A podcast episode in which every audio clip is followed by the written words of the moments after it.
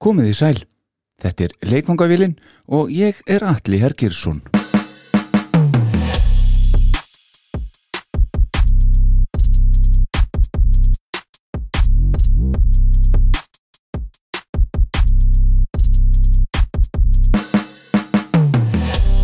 Í síðasta þætti leikvangavélarinnar beindu við sjónum okkar að Svíþjóð og við gerum slíktið sama í dag að örlittlum hluta. Þó er þátturinn í dag öllu fjöldþjóðlegri þar sem Luxemburg, England og fleiri lönd koma stert við sögun. En við fögnum svo sannarlega fjölbreytileikonum í þetta skiptið því málefni þessa þáttar er hljómsveitin Placebo og forsprakkið þeirra mögnuðu sveitar Brian Molko. Hann er með afar góða og sérstaka rödd, stútfulla af sterkun karakter. Hann er frábær lagasmiður og er eiginlega fættur í hlutverk rockstjörnu. Brian Molko er ekki maður sem fellur í fjöldan og í raun hefur hann aldrei verið það. Saga Brian Molko og Placebo í leikfangavélinni í dag og að venju er þetta allt í bóði Böttvæsir Búdvar hins tjekkneska og það sjálfsögð eru þið að tala um léttöl.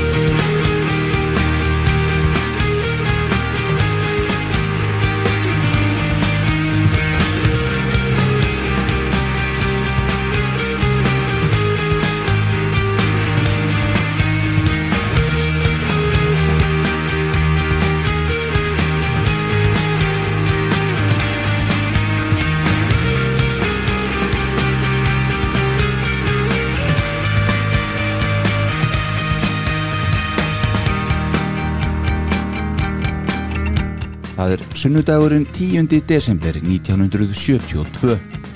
Við erum stött í borginni Brussel í Belgíu og lítill drengur fæðist inn í Molkó-fjölskylduna.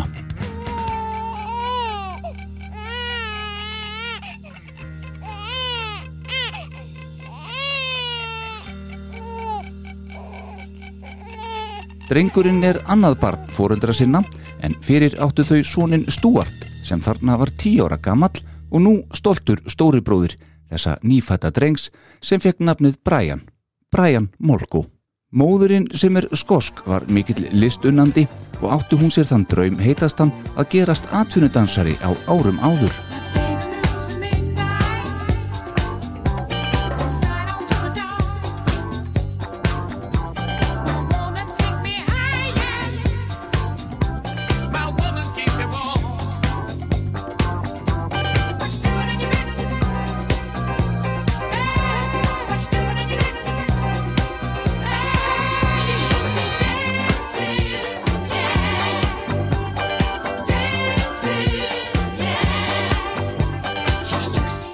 Gekk þó erfilega að fylgja þeim draumi eftir þar sem hún kom frá afar trúuðu heimili sem ekki samþykti dansferilinn.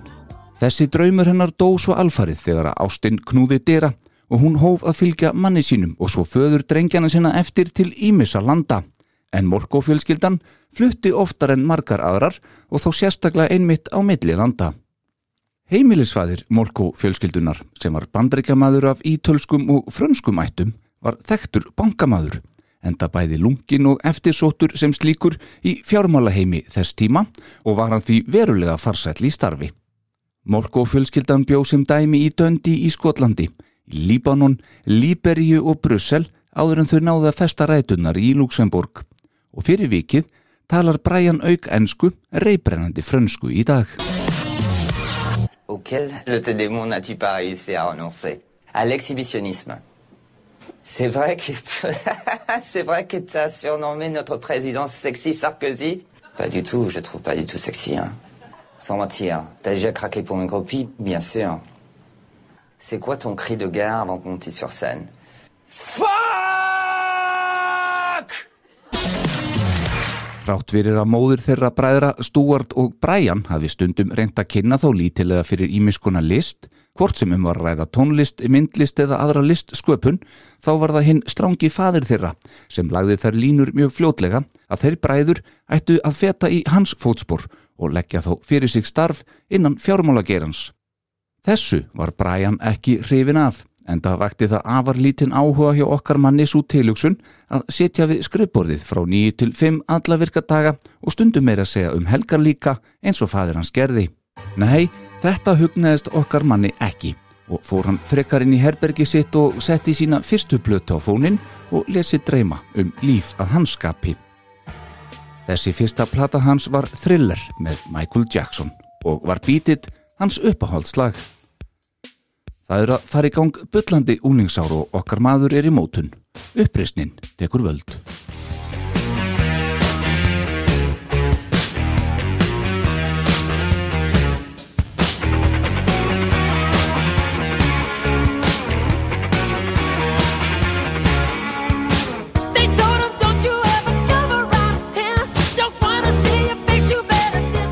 Árið er 1983 og Brian er ekki nema 11 ára þegar hann fór að ganga um með andlitsfarða og naglalakk móður sinnar. Föður hans leist auðvitað lítið á þetta sem á reyndar skólafélugum hans í engaskólanum European School of Luxembourg og var hann því lagður í mikið einelti. Svo mikið að móður hans færði hann yfir í annan skóla.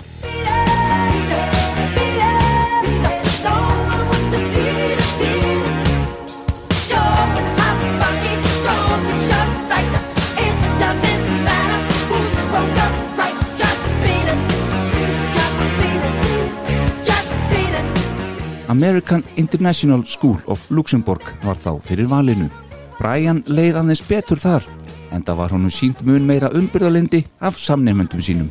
Í þessum skóla á nákvæmlega sama tíma var annar drengur, tveimur árum yngri en Brian. Sænskur piltur að nafni Stefan Olstall. Sá kemur heldur betur við sögu hér síðar í þættinum en þeir Brian og Stefan kynntust ekkert þarna og átti í litlum sem engum samskiptum Mögulega skiptust þeir á einn eða tveimur setningum út skólagönguna. Ótrúlegt er að hugsa til hvað þessi tveir áttu eftir að upplifa saman síðar meir, en nánar um það, einmitt, hér síðar meir. Á úlingsárunum leið Brian Molko oft eins og hann var í einbyrni, enda Stuart bróðir hans auðvitað þessum tíu árum eldri og því farin að heiman þegar að Brian komst almenlega til vits. En Stuart Molko varð við óskum föður þeirra og gerðist einmitt virkur í fjármála heiminum þar sem hann starfar enn í dag og rekur sitt eigið fyrirtæki í þeim geira í New York. En hvað um það? Förum aftur tilbaka.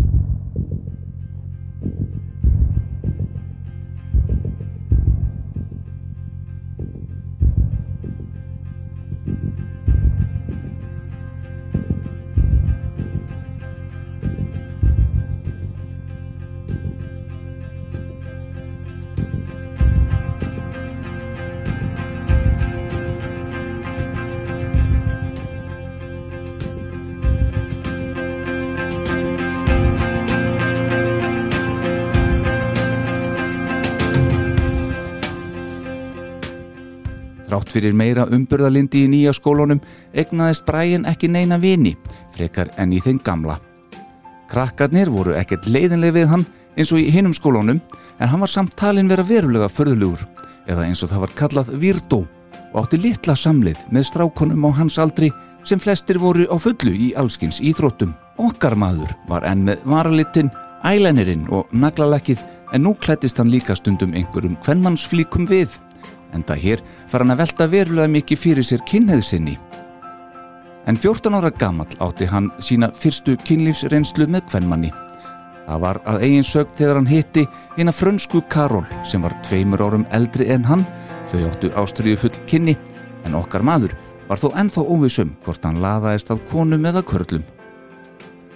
Hann fór því og kynnti sér tvíkynnið og tók að hallast frekar að þeim möguleika. Strákarnir í bekknum hans voru á fullu í sportinu og okkar maður átti þar enga samlið. Leiklist, tónlist og stelpur og strákar voru það sem Brian hafði áhuga á.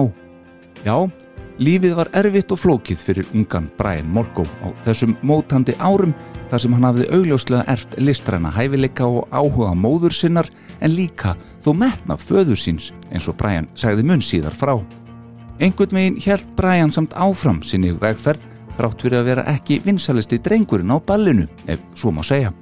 Og leik hann til að mynda í nokkrum skólaleikritum og var frumraun hans þar að fara með lítið auka hlutverk í verki eftir Shakespeare. Tónlistin var þó farin að spila meira hlutverk í lífi okkar manns og um 14 ára aldurinn var hann farin að hlusta mikið á alls konar tónlist.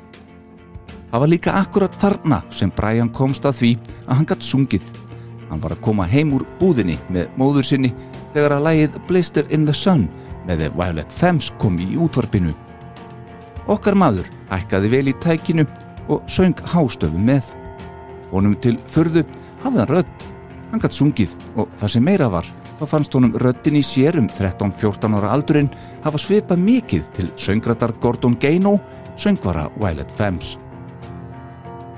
Brian hófa æfa röddina upp frá þessum degi Hann fekk sinn fyrsta gítar og hófa að gera ymsar tilraunir með ný uppgötuðu röddina sína á meðan hann kendi sjálfum sér á gítarin. Brian Molko eitti gríðala laungum stundum inn í herbyrginni sínu við að æfa sig á gítarin með því að spila eftir Bob Dylan lögum á samt fleirum. En alltaf setta samt skólan og heimanámið í fyrsta sætið áður en gítarin var rifinu upp enda metnaða fullur með indæmum á öllum vikstöðum. Brian myndist þess sem dæmi í viðtali hvað hann var dólfallin við að heyra og sjá svo myndbandið við lagið Asis to Asis með David Bowie í sjónvarpunu heima í Luxemburg sem táningur. Það moment hafi snertan sérstaklega mikið. En í viðbót við David Bowie hlustaði Brian mikið á R.E.M., The Pixies, Pink Floyd og ekki síst hans allra mesta uppáhald, Sonic Youth, sem þarna var glænýtt band og náðu þau verulega vel til hans. Í bland við þetta fyrrnemda var það svo auðvitað pöngið sem náði okkar manni, en ekki hvað. Pöngið var eins og vitað er ekki það vinsælasta hjá foreldrum og þess vegna þeimun vinsæla hjá únlingum í uppreist eins og okkar manni. Ekki bara að fadir hans hefði óbeitt af þessu, heldur var þetta farið að valda meira að segja móður hans verulegum áhyggjum líka. Hún tók því á það ráð að mæta reglulega í messu með Brian sem á ymsa fundi innan kirkjunar í þeirri von um að hún geti snúið honum og fengið hann til að sjá ljósið og að hann myndi breytum stefnu í lífinu og jafnvel læra til prests. Í raun var hún samt þarna að gera alveg það sama og hún var svo vonsveikin með að foreldrar hennar hefðu gert henni á sínum tíma þegar þau krömdu drauma hennar um að gerast atvinnudansari.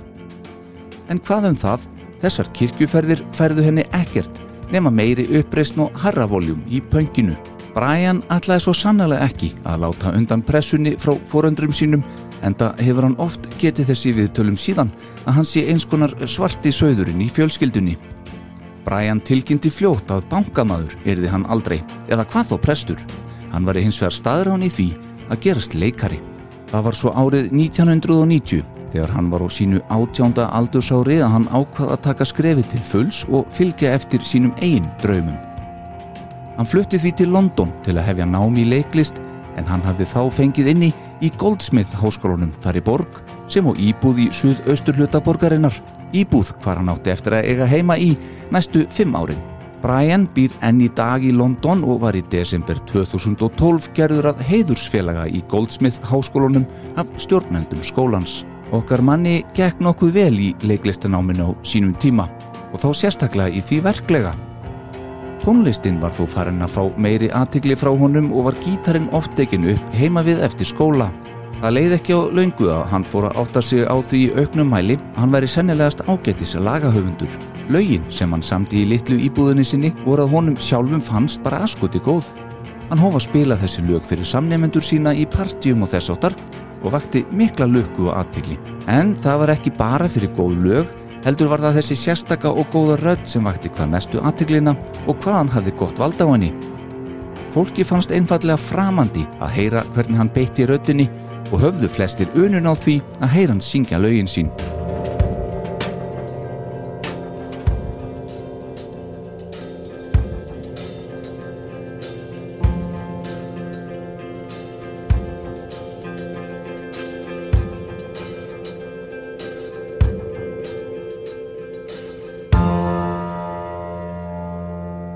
Brian var hér farin að nota eiturlifi þó nokkru mæli og lifði sannkölluðu bóhemlífi í London.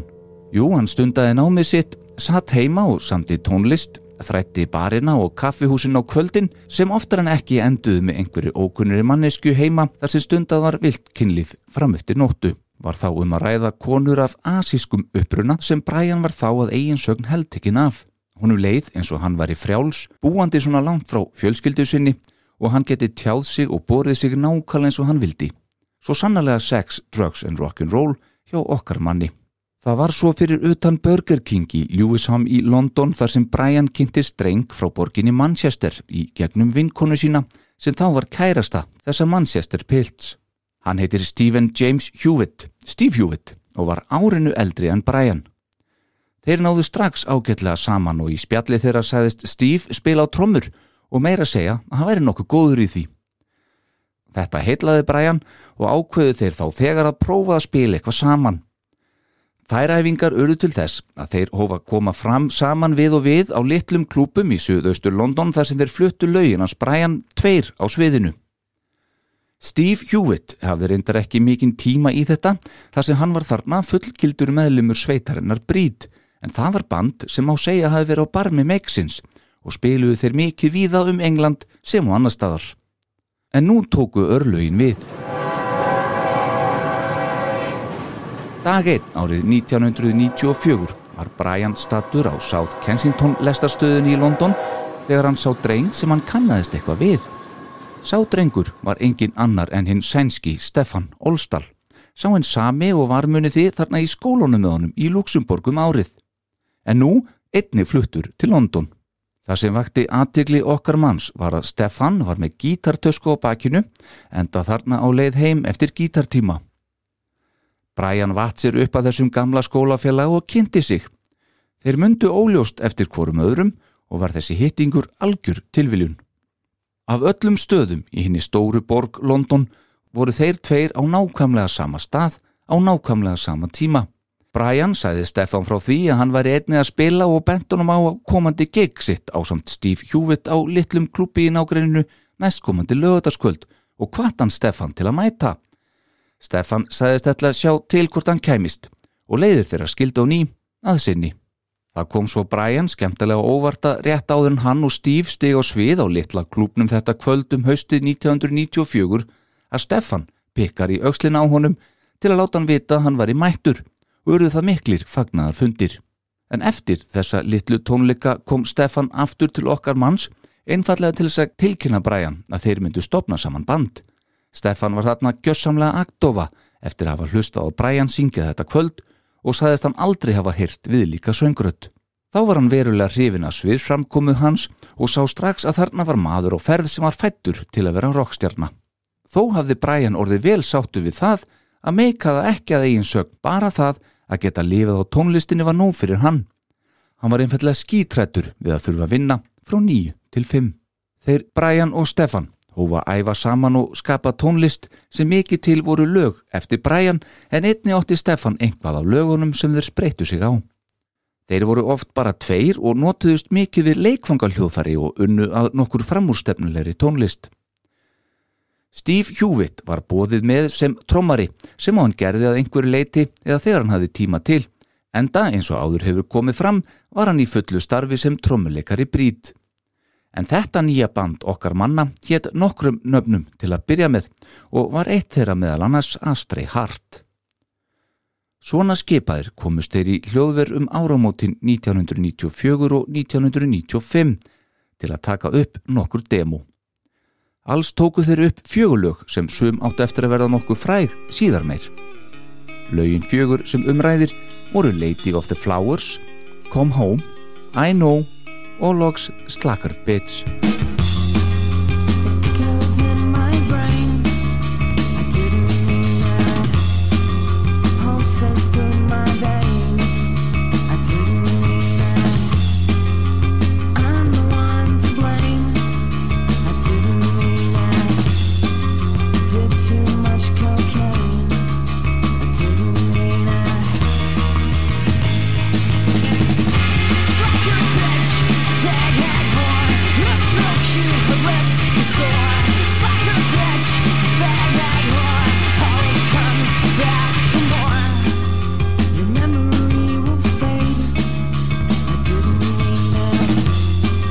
Þessum demón dreifiðu okkar menn mjög víða á kassettu í vonum að vekja einhverja aðtikli og jafnvel næla sér í útgáfusamning og nú undir nafninu Placebo sem á latinu þýðir I shall please eða ég skal þóknast. En einnig þýðir þetta auðvitað livleisa og var þetta samkvæmt Brian nokkuð skona skota á þær hljómsveitir sem skýrðu sig eftir eitilöfum á þessum tíma. Steve Hewitt þurfti frá að hverfa skömmu eftir að þessi demo fór í dreifingu til að sinna sínu hlutverki með bandinni sínu Brit. En Placebo vildi auðvitað reyna að fylgja demónum eitthvað eftir með spilamennsku og stakk þá Stefan upp á samlanda sínum og gömlum félaga frá heimalandinu sínu, Svíþjóð, til að taka við trómmukjöðunum. Þar var á ferð drengur að nafni Robert Schultzberg sem Stefan vissi að væri þessi fínasti trommari enda höfðu þeir verið saman í skóla hljómsveit í Svíþjóð áður en Stefan fluttist til Luxemburgar á sínum tíma.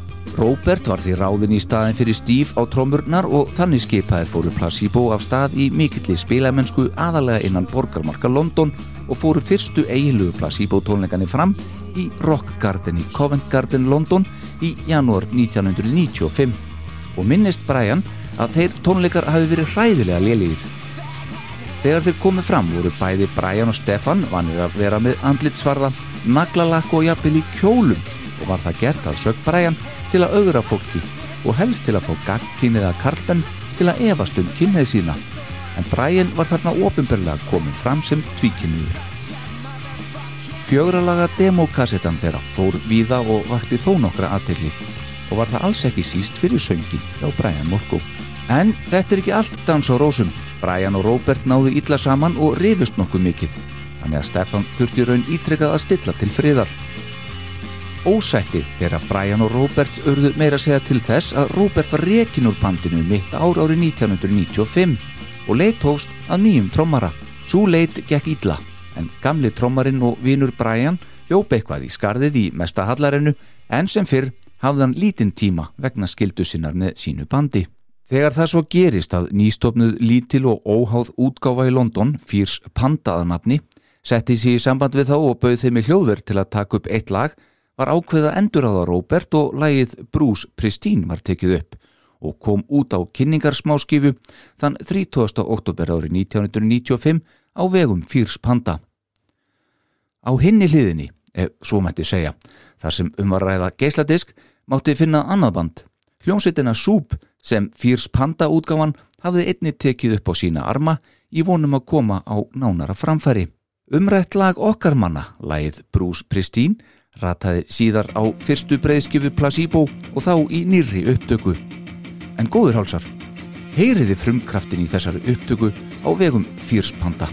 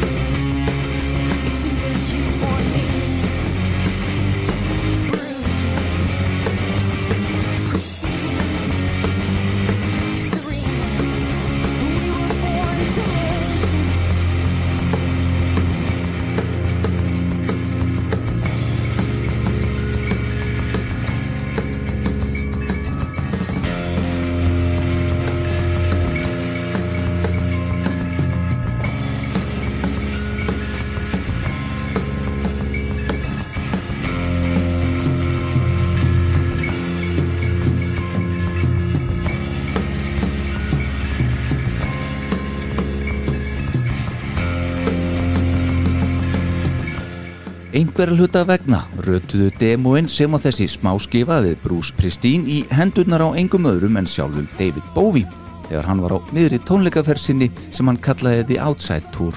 David hlustaði á kassettuna og hreinlega elskaði það sem hann hyrði. Þetta var til þess að hann lit kalla á Placebo þar sem hann vildi fá þá til að hita upp fyrir sig á tónleiku sínum á Ítalju. Okkar menn voru heldur betur til í það og fóru frá því að spila fyrir kannski 300 manns á litlu klúbónum í London yfir í það að spila fyrir 8.000, 10.000, 12.000 og loks 16.000 manns sem uppbytunaband fyrir David Bowie og það án þess að hafa útgáfusamning eða hvað þá plötu til að kynna.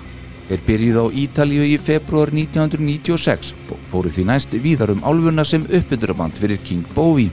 Meðlimir Placebo voru döðskelkaði við þetta og þurfti að læra það rætt að koma fram fyrir viðlika fjölda. En David Bowie var þeim mikil stóð og stitta og eitti hann miklum tíma í að dásema þá og hvetja áfram dagsviðs ásamt því að gefa ungu drengjónum í Placebo góð ráð áður en stíu ára stokk.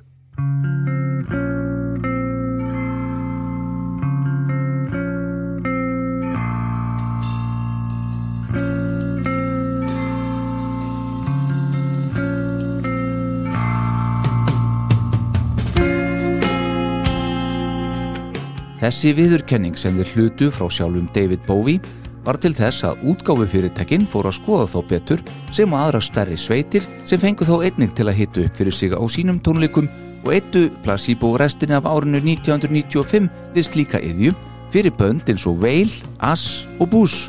Hlutinir voru að gerast nokkur rætt hjá okkar mönnum um þennan tíma og þeir skrifuðu svo loks undir sinn fyrsta alvöru útgáfusamning í byrjun árs 1996 og var sá samningur við Hött Records sem var dótturfélag Virgin útgáfurisans.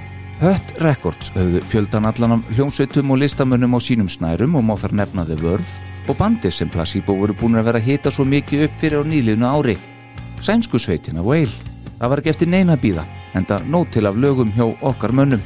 Áður en blekið þornaði á ný undrituðum samningi var því farið strax í hljóðver til að taka upp sína fyrstu plötu. Vestland hljóðverið í Dublin á Írlandi var fyrir valinu og ákveði var að upptökustjórin er því bandaríkjamaðurinn Brad Wood. Brad þessi hafði gríðarlega reynslu og sérhæði sí svo kallari alternative tónlist. Brad hafði svo sem ekki gert neitt sem náð hafði einhverjum gríðarlegum árangri fram að þessu. En þetta verkefni breyti því og síðar meir, eða nánar tiltekið tveimur árum síðar, átti hann svo eftir að taka upp plötuna Adore með The Smashing Pumpkins. Brad Wood og Placebo náðu vel saman. Þeir skildu hvorn annan og samstarfið gekk vel. Brian laði mikla áherslu á að tótnin á væntalegri plötu ætti að verða nokkus konar blanda af Sonic Youth og Deepheads Mode. Á meðan upptökunum stóð hófust enn og ný vandræði og rifrildi á milli Brian Molko og Robert Schultzberg. Þeir tveir voru einfallega sennilega bara allt og ólíkir.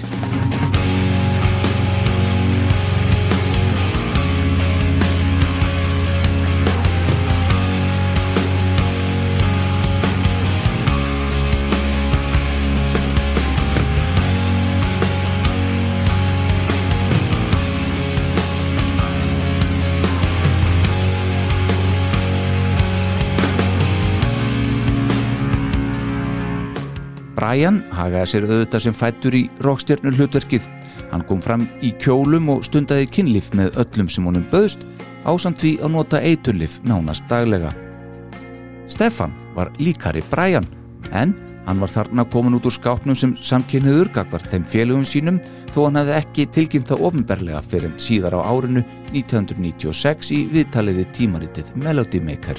Brian og Robert voru því hreinlega stáli stáli gegnum allt upptökuferlið og í raun allan sinn tíma saman í bandinu. Brian hefur síðar talað um að sennilega hafi Robert ekki þólað aðtikluna sem Brian fekk fyrir að vera svo típa sem hann var og er og bætti við Ég var orðin hundleiður á því að Robert leti reyði sína út í heiminn bitn á mér.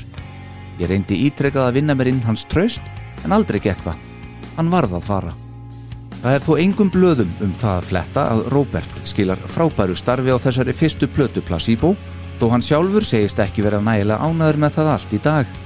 En ráleikin og ferskleikin skín í gegn og fastur ákveðin trommelikur hans við tilherrandi slöfum og breykum er til algjöra fyrirmyndar.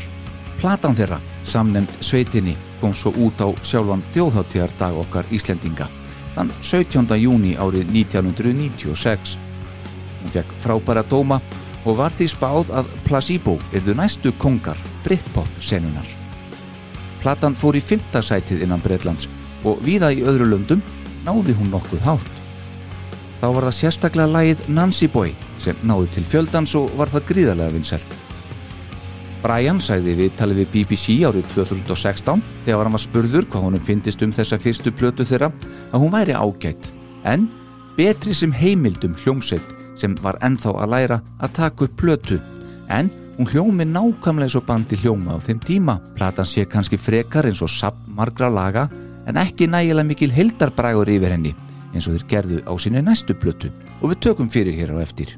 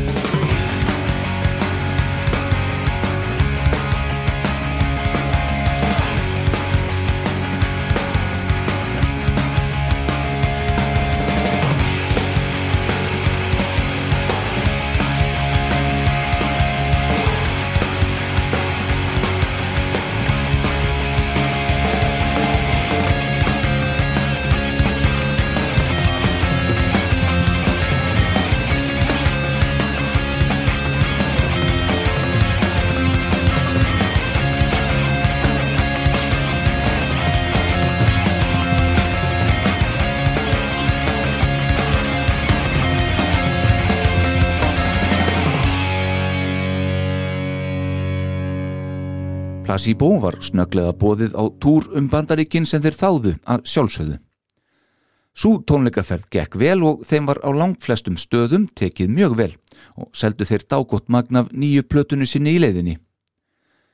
En þó svo að tónleikaferðin hafi gengið vel hvað tónlistina og tónleikana varðar, var stemmingin á milli þeirra Brian og Roberts orðin allverulega súr.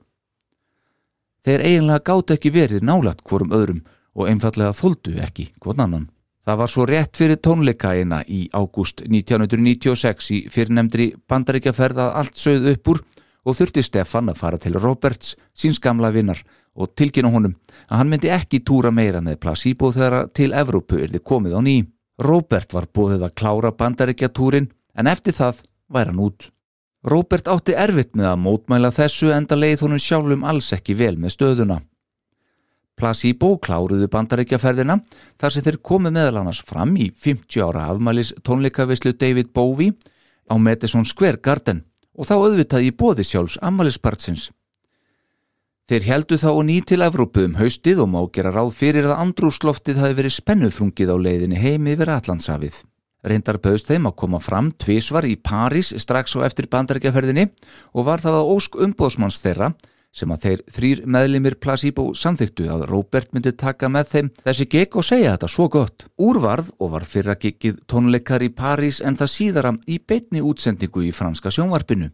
Síðasta gigið hjá Robert með félögum sínum í Placebo var því í beitni útsendingu síðla árs 1996. Frekar sérstakt. Ça doit être merveilleux de faire de la musique, mais c'est mieux de faire du théâtre quand même. parce C'est que mieux de faire du direct. on est hein. moins- Voilà. Ça va, Molko Impec, ça marche, dit-il. Allez, Molko à la tête de Placebo, c'est du rock.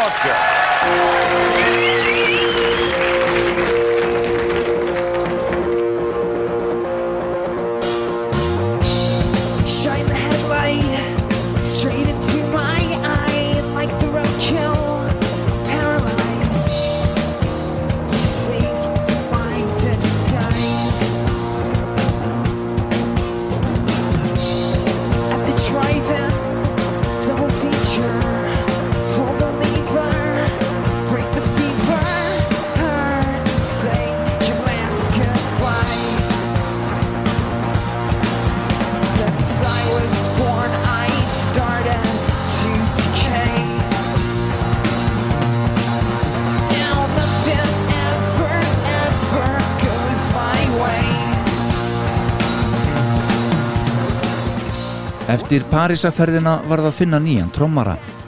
Reyndar má segja að þau hafi verið nokkur hæg heimatökin hvað það var þar. Okkar maður, Brian, tók einfallega upp síman og ringdi í gamla vinsinn Steve Hewitt og baði hann um að gangi bandið. Þarna hafði Steve loksins tíman fyrir lítið var að gerast hjá Brít og þau raun í dauðakipunni. Steve yfirgaf því þá sökkandi skútu og kom yfir til Placebo, þar sem ferillin var á hraðri uppleið og allt virtist í blóma. Trommaravandin var listur. Steve þurfti ekki langan tíma með bandinu til að æfa upp prógramið og auðvitað þekkti hann fyrir slatt af lögunum eftir tíma sinn með þeim þarna nokkru fyrr. Þá eitti hann tveimur vikum heima við að tromma með plötunni áður hann hitti bandið og hóf með þeim æfingar. Allt small og ekki leið á löngu að Placebo heldu tónleikafursinni áfram eins og ekkert hefði í skorist. Nema núna með nýjan trommara sem samt var sá upprunalegi. Evrópuleggur þessarar tónleikaferðar gekk vel og reyndar vonum framar. Placebo urðu vinsælli og vinsælli og voru strax farnir að semja efnið fyrir næstu plötu. Þegar þeir voru svo stattir í Þýskalandi prófuðu þeir að spila nokkur af þessum nýju lögum til að aðtúa hvernig þau færu í mannskapin. En þeir hættu því eftir 23 skipti þar sem þeir urðu varið við að sjóræningja upptökur af þeim kæmu fram á internetinu að tónleikum loknum. Næst voru það U2 sem bönguð á dyrnar hjá Placebo og buðu þeim að vera uppbytturaband fyrir þá á Popmart Evroputúr þeirra við eftirfylgd plötunar Pop. Placebo slóðu til og má hér til gamans geta að undirritaður sá þá hita upp fyrir U2 á olimpíuleikvagninum í Barcelona í september 1997 þar sem bæði Placebo sem á reyndar gömlumenninir í U2 síðar um kvöldið voru algjörlega frábærir. Sviðsframkoman hjá Brian Molko var eitthvað sem ég gleymi seint. Hann var bara með þetta, klættur í einhvers konar glimmer pels úr dökkum fjöðurum af einhverjum ég kann ekki segja frá. Hann var með eyeliner og augskugga á samt naglalakkinu og við þetta í þessu fína síða pilsi, hoppandi til og frá á sviðinu án þess að blásur nös og söng allt óaðfinnanlega. Í minningunni þið minnsta.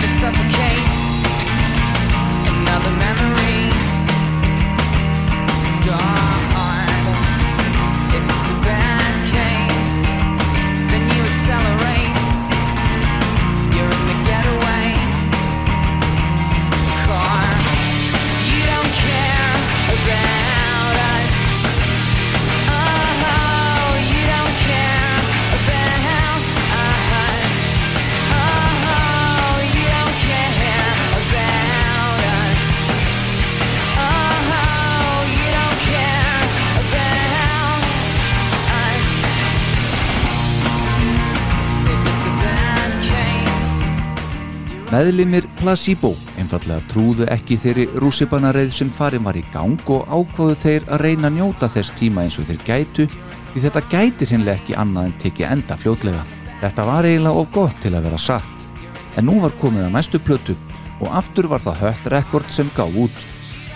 Hljómsveitir eiga oft erfitt með að koma með betri plötu nr. 2 þegar að frumburður þeirra er þetta góður eins og var í tilviki okkar manna. Í raun var það ekkert öðruvísi hjá Placebo. Platan þeirra Without You I'm Nothing sem kom út hann 12. oktober 1998 er ekki næstu því eins góð og svo fyrsta þó hún sem reyndar þrjusugóð. En auðvitað er þetta bara álit þess sem hér talar. Platan fekk nefnilega feikilega góða dóma frá mörgum gaggrínendum og reyndar var hún enn vinsælli en svo fyrri og seldist gríðarlega vel. Platan fór í gull í Ástralíu, Fraklandi, Greiklandi og Nýja Sjálandi og fór svo í platinumsölu bæði í Belgíu og Breitlandi, svo eitthvað nefnt. Upptökustjórin á þessari plötu var Steve Osborne sem hafi verið upptökustjórin á plötu U2 sem við myndumst á hér áðan. Hopp. Bandið náði hins vegar ekki sama sambandi við Steve Osborne og þeir gerði við Brad Wood við upptökurnar á fyrstu plötunni. Þegar að upptökunum laug töluðust þeir ekkert saman, bandið og upptökustjórin Steve Osborne. En sjálfur afraksturinn, platan Without You I'm Nothing, geymir þó lög eins og Pure Morning sem var jafnframt fyrsta smáskifa plötunar sem á lagið Every You, Every Me sem er langmest spilaða lagið með Placebo á Spotify. En það lag á jafnframt finna í kvikmyndinni Cruel Intentions frá árunni 1999. Myndbandið við lagið Pure Morning var mikið spilað á bandarísku sjónvastöðinni MTV og náði lagið þannig miklum vinsældum þær í landi og varð svona Nancy Boy þessara plötu þarna í fyrstu bæði í bandaríkjónum sem og í Breitlandi þar sem lagið náði í fjórðarsætið á breskalistanum. Þrátt fyrir þessar vinsældir neitaði Brian Molko þó að flytja lagið á tónlukum í heil nýju ár þar sem hann sæðist ekki nægilega ánaður með textan. Í dag er Brian þó nokkuð ánaður með þessa plötu svona í hildina séð Hann segir að þetta sé sennilegast platan sem þeir vildu ávalt gefa út. Fyrsta platan hafi verið hröð og rá rockplata en Without You I'm Nothing væri melodískari og með dekkra yfirbræð á sér sem væri raun hinliðin sem bandið vildi sína á sér. Platan var tilnefnd sem besta platan á bresku tónlistavellununum sem á Placebo sem besta bandið en verlunin hlutu þeir þó ekki í það skiptið. En aðtiklana fengu þeir svo sannarlega, meira segja David Bowie þegar gamli vinur ringdi í þá og sagðist vilja vinna með þeim. Þann 16. ágúst árið 1999 sendu Placebo frá sér sína fjörðu smáskifu af plötunni Without You I'm Nothing og var þar á ferð titillag plötunar. Hérna gerðu Placebo gott mót því auk útgáfunar sem finna má á plötunni mátti heyra útgáfu af sama lægi sem var þó söngdúett þeirra Brian Molko og David Bowie enda hafði sá síðarnemdi óskað sérstaklega eftir því að fá að vinna með þeim. Það er svo bara eitthvað sem smelt passar þegar svo maður heyri þetta hljóma. Rattir þeirra Morko og Bóvi passa fullkonlega saman og lægið sjálft er reynd alveg tilvalið í þetta. Það var eins og áður sagði sjálfur Bóvi heitinn sem hafði samband við á fyrrabræði og valdi einnig lægið. Hann heyrði snildina fyrir. Heyrið þetta bara. Strange infatuation seems to grace the evening tide. I'll take it by your side. Such imagination seems to help the feeling slide. I'll take it by your side.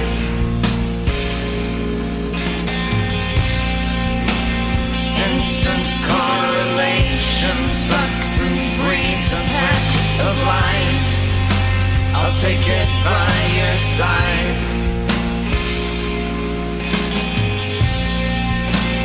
Oversaturation curls the skin and tans the hide. I'll take it by your side.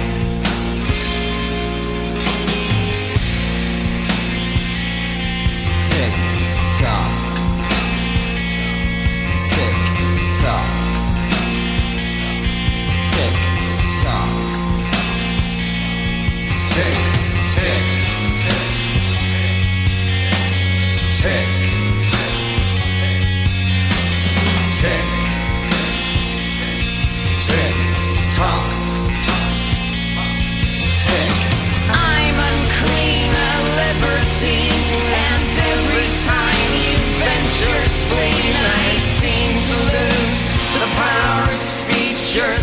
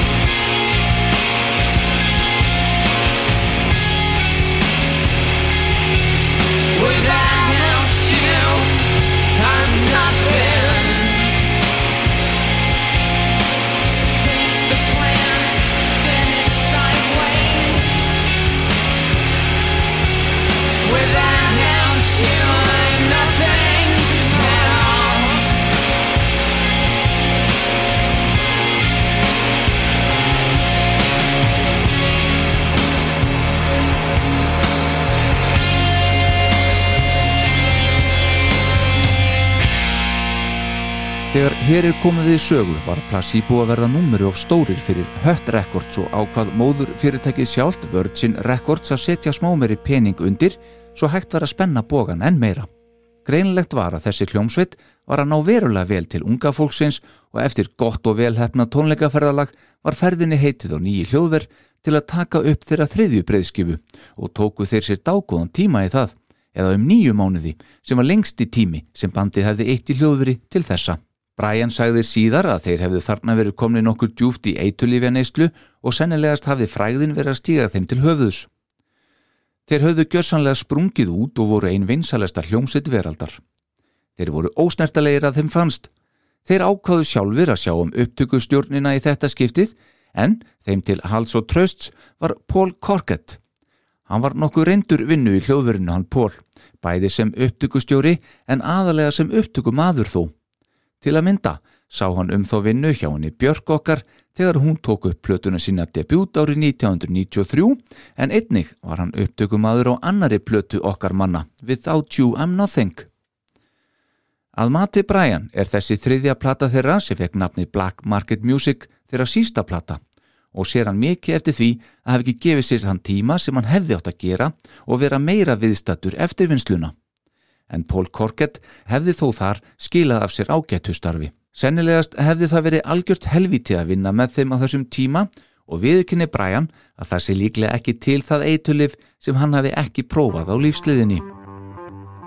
Platan, Black Market Music, náði þó nokkuð hátt á vinsældalistum í fjölmörgum Evropalöndum og fór í gull í Ástralíu, Þískalandi, Ítalíu, Sviss og Breitlandi, tvöfalt gull í Fraklandi og platinum sölu enn og aftur í Belgíu.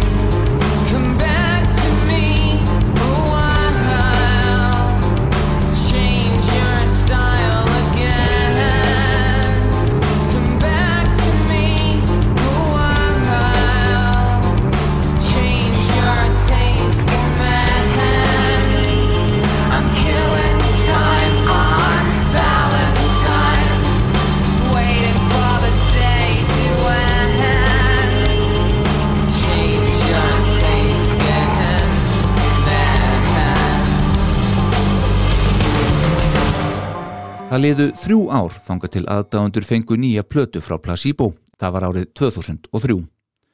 Reyndar fenguð aðdáðundur þá í raun tvær plötur því seint þetta ár sendu Placebo frá sér tíulega plötu sem innihjalt samt allra coverlaga sem hefðu tekið upp fram að þessu á samt einu nýju coverlagi sem var sérstaklega tekið upp fyrir þessar plötu.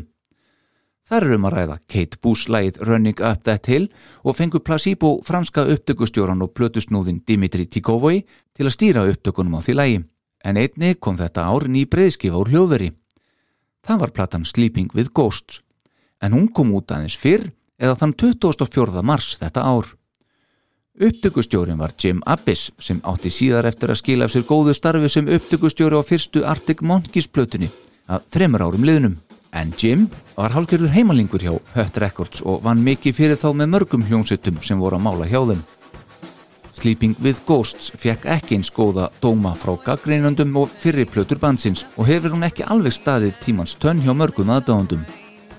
Þá seldist hún nokkuð vel enda Placebo að hátindi feril síns þegar að platan kemur út. En því miður urðu margir fyrir nokkurum vombriðum þegar platan var sett yfir geislan.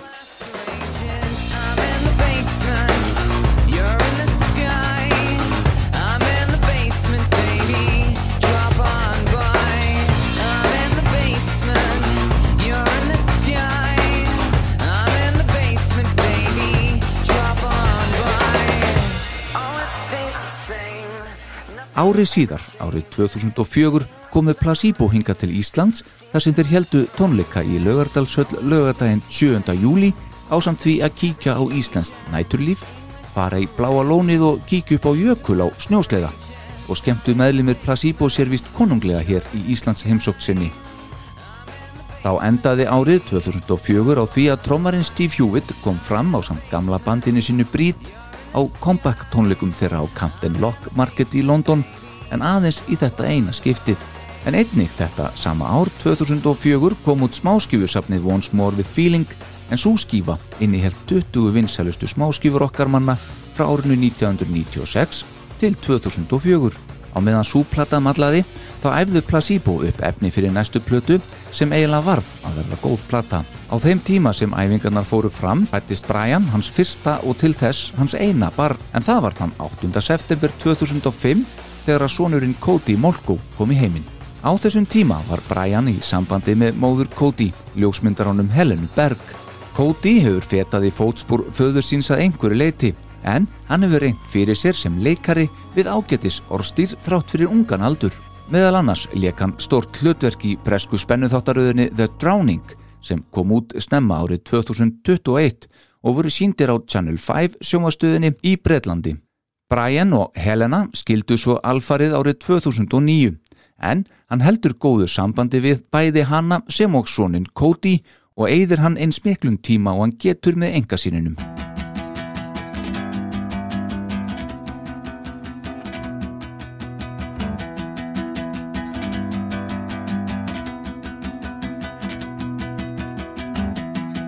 was alone, falling free, trying my best not to forget what happened to us, what happened to me, what happened as I let it slip. I was confused by the powers that be, forgetting names and faces. Passers-by were looking at me as if they could erase it. Baby, did you forget take your meds? Baby, did you forget to take your meds? I was alone, staring over the ledge, trying my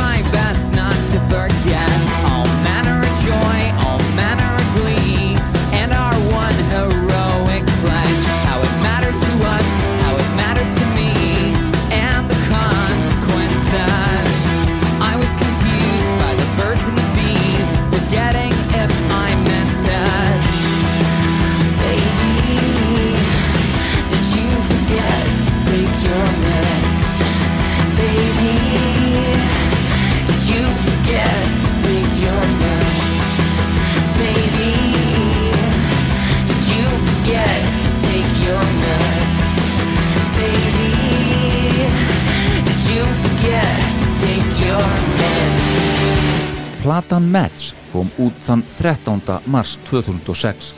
Þeir Brian og Stefan voru farnir að gera miklar tilraunir með ímiskonar sömplun sem var mikið inn á þessum tíma. Steve Hewitt trommari var ekki alveg á þeim buksonum að það veri rétt leið til að fara og vildi að þeir heldu sig meira við hljóðfærin sín. Þetta var meira að segja komið á þann stað að Placebo voru á stundum með auka bassaleikara með sér á tónleikum þar sem Stefan gæti ekki bæði spilað á bassa sem á framið þau hljóð sem þurfti með sömplin og syndan að vopni. Reyndar er svo komið aftur í dag að bassa og gítarleikarin Bill Lloyd er vanalega með í för á tónleikaferðum þeirra og skiptast þá þeir Bill og Stefan á að spila á bassa og gítar. En upptökustjórun Dimitri tók reyndar upp hanskan fyrir Steve Hewitt og lagði einni áherslu á að þeir myndu notast við þau hljóðferri sem þeir veru þekktir fyrir. Ákveðið var að mætast á miðri leið og er nokkuð um sampla á þess háttar á fymtu breyðskjúi þeirra, Meds. En þó ekki eins mikið og lagtar upp neði upphafi. Platan fekk mjög fína dóma og seldist vel rétt eins og fyrir plötur þeirra. Meds er líka fyrsta platan sem þeir komi inn á bandariska billboardlistan og er það virkilega vel gert. En góðir hlustendur, hér er önnur Íslands tenging. Placebo gerðu myndband við lagið Follow the Cops Back Home sem bandið segist hafa samið hér á landi í fyrrnemdri Íslands för þeirra og voru það félagarnir Stefán Árni Þorgersson og Sigurur Kjartansson sem gerðu myndbandið. Myndbandið var tekið upp í Los Angeles og það var íslenski dansarin Erna Ómásdóttir sem leik aðalhutverkið í þessu myndbandi á samt bandareska leikarunum Harry Dean Stanton. Þetta myndband má finna á YouTube. Á plötunni Mets reyndu okkar menn svipaðan leik og þeir gerðu með David Bowie þarna nokkru fyrr þegar Brian Molko syngur duett með Michael Stipe úr R.E.M. í læginu Broken Promise. Þó lægi sér fínt, þá er það ekki alveg sama vel hefnað útkoman og þarna með Bowie. Talandum Bowie. Platan Mets var endur útgefin fyrir bandaríkjamarkaði í janúar árið 2007 og þá með þremur aukalögum.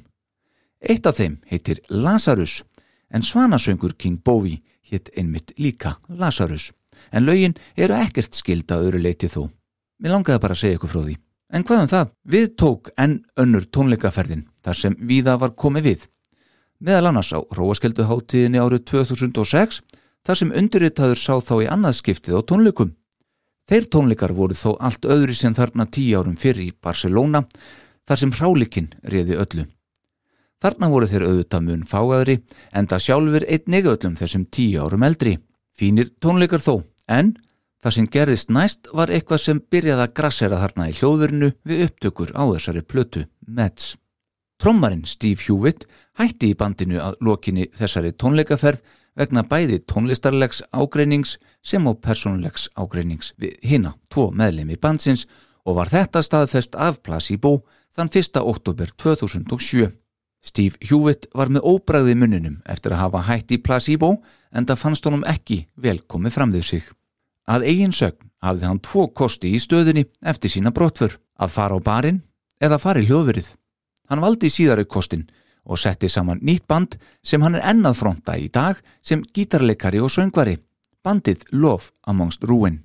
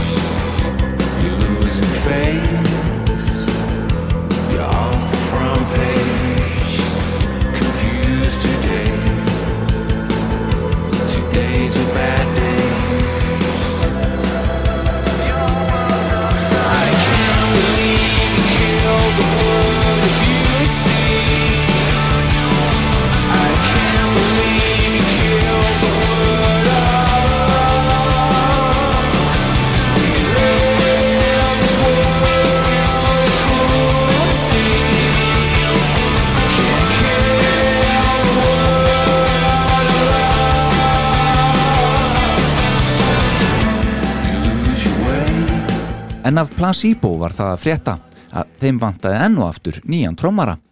Á bandrækjaleg Mets Túrsins árið 2007 hitaði upp fyrir þá band sem bar heitið Eveline. Trommari þessa bands var hinn ungi Steve Forrest og þeir Brian og Stefan buðu honum starfið þar sem þeim líkaði afarvel við hann og hann var vissulega góður trommari. Forrest þáði starfið og yfirgaf Eveline og flutti til London og var sestur í eldheitan trommarastólin hjá Placebo aðeins 23 ára gamall. Fyrsti trommari Placebo var mættur hér sem spilaði réttend á trommunar sem er svo allt unnu saga. Nú hefst svo kallaður dánkabli Placebo fyrir alvöru að mati einhverja þið minnsta. understand understand understand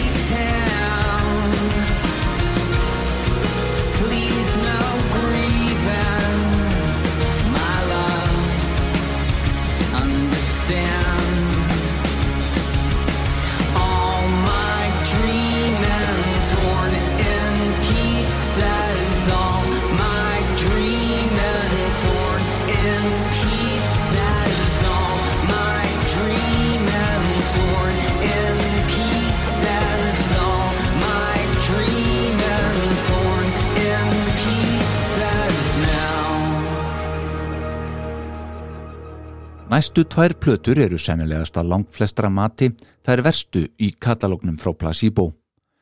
Um er að ræða plötunar Battle for the Sun síðan 2009 og svo Sound Like Love sem kom út árið 2013.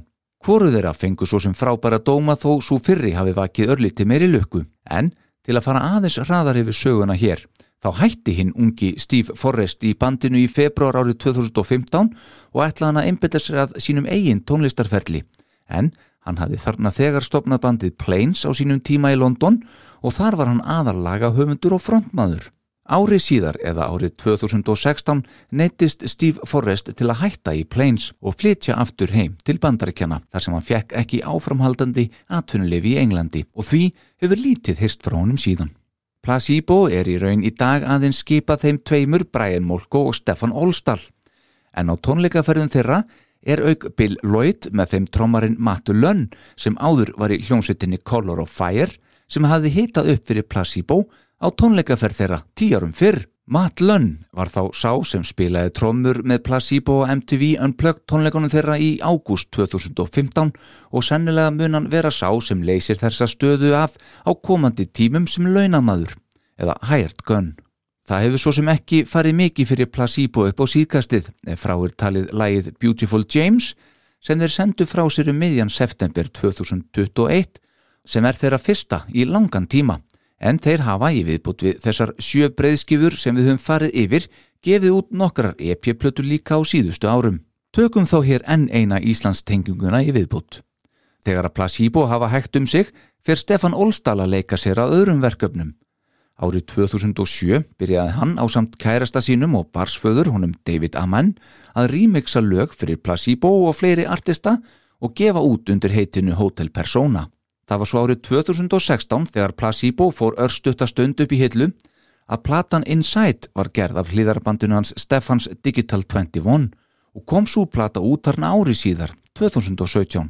Lag nummer eitt á þeirri ágætu plötu er lagið Spaces en það syngur engin önnur en Margaret Rán Magnúsdóttir, söngkona hljómsveitarinnar vög. En þegar að Stefan Olstall og hans lið leitaði til hennar, gat hún á engan hátt sagt nei við þeirri bón, enda að eiginsögn sjálf mikill aðdándi Placebo. Endalusar Íslands tengingar.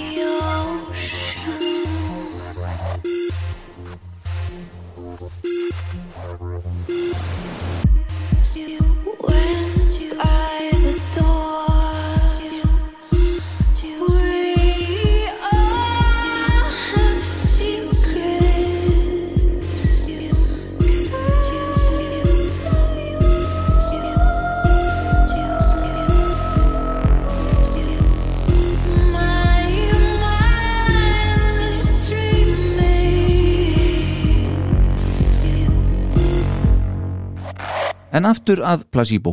Beautiful James er þeirra nýjesta lag og var fyrir hugud tónleikaferð árið 2020 blásin af sökum heimsfaraldursins og býður hún því betri tíma.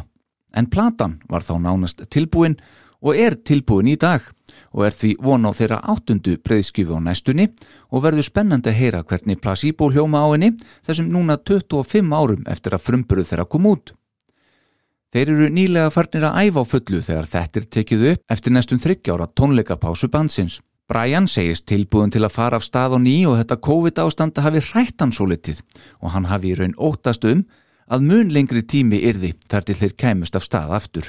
Beautiful James er lag sem Brian samti þegar hann glýmdi við svepli seinanóttina og hófa fá í hausinn allskins laglínur, texta og lagabúta eins og einhver var að senda það til sín. Hann stóð upp úr rúmunu sínu alloft þessa nótt til að taka upp það sem kom til hans á símansinn áður en hann myndi gleyma þessu öllu. Síðar urðu þessi bútar að þessu nýja lægi sem er fyrsta smáskifan af væntalegri plötu þeirra. Placebo hefur unni til fjölda verðluna og verið eina fremstu rocksveitum heims síðustu árin og má teljast nokkuð ljóst að þeir Brian og Stefan munu áfram búa til tónlist saman um ókomna tíð en það frábær dúett hér á ferð.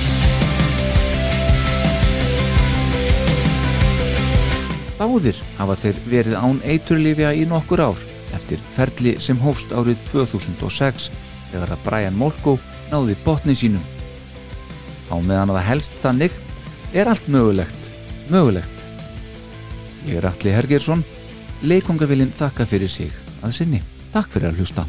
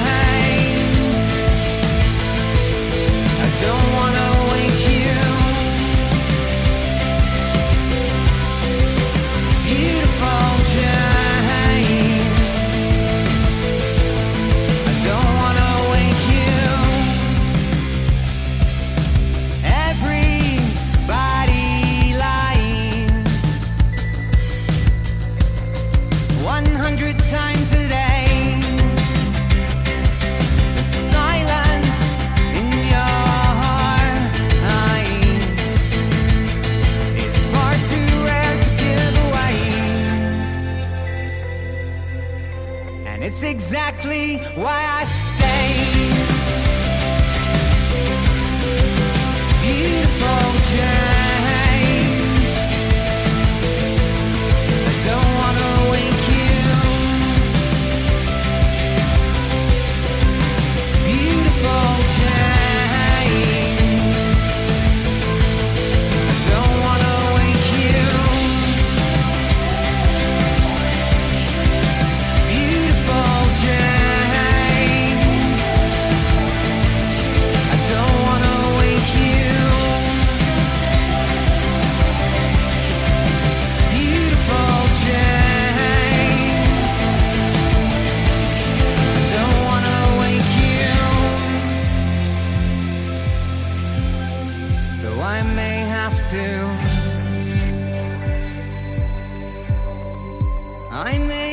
to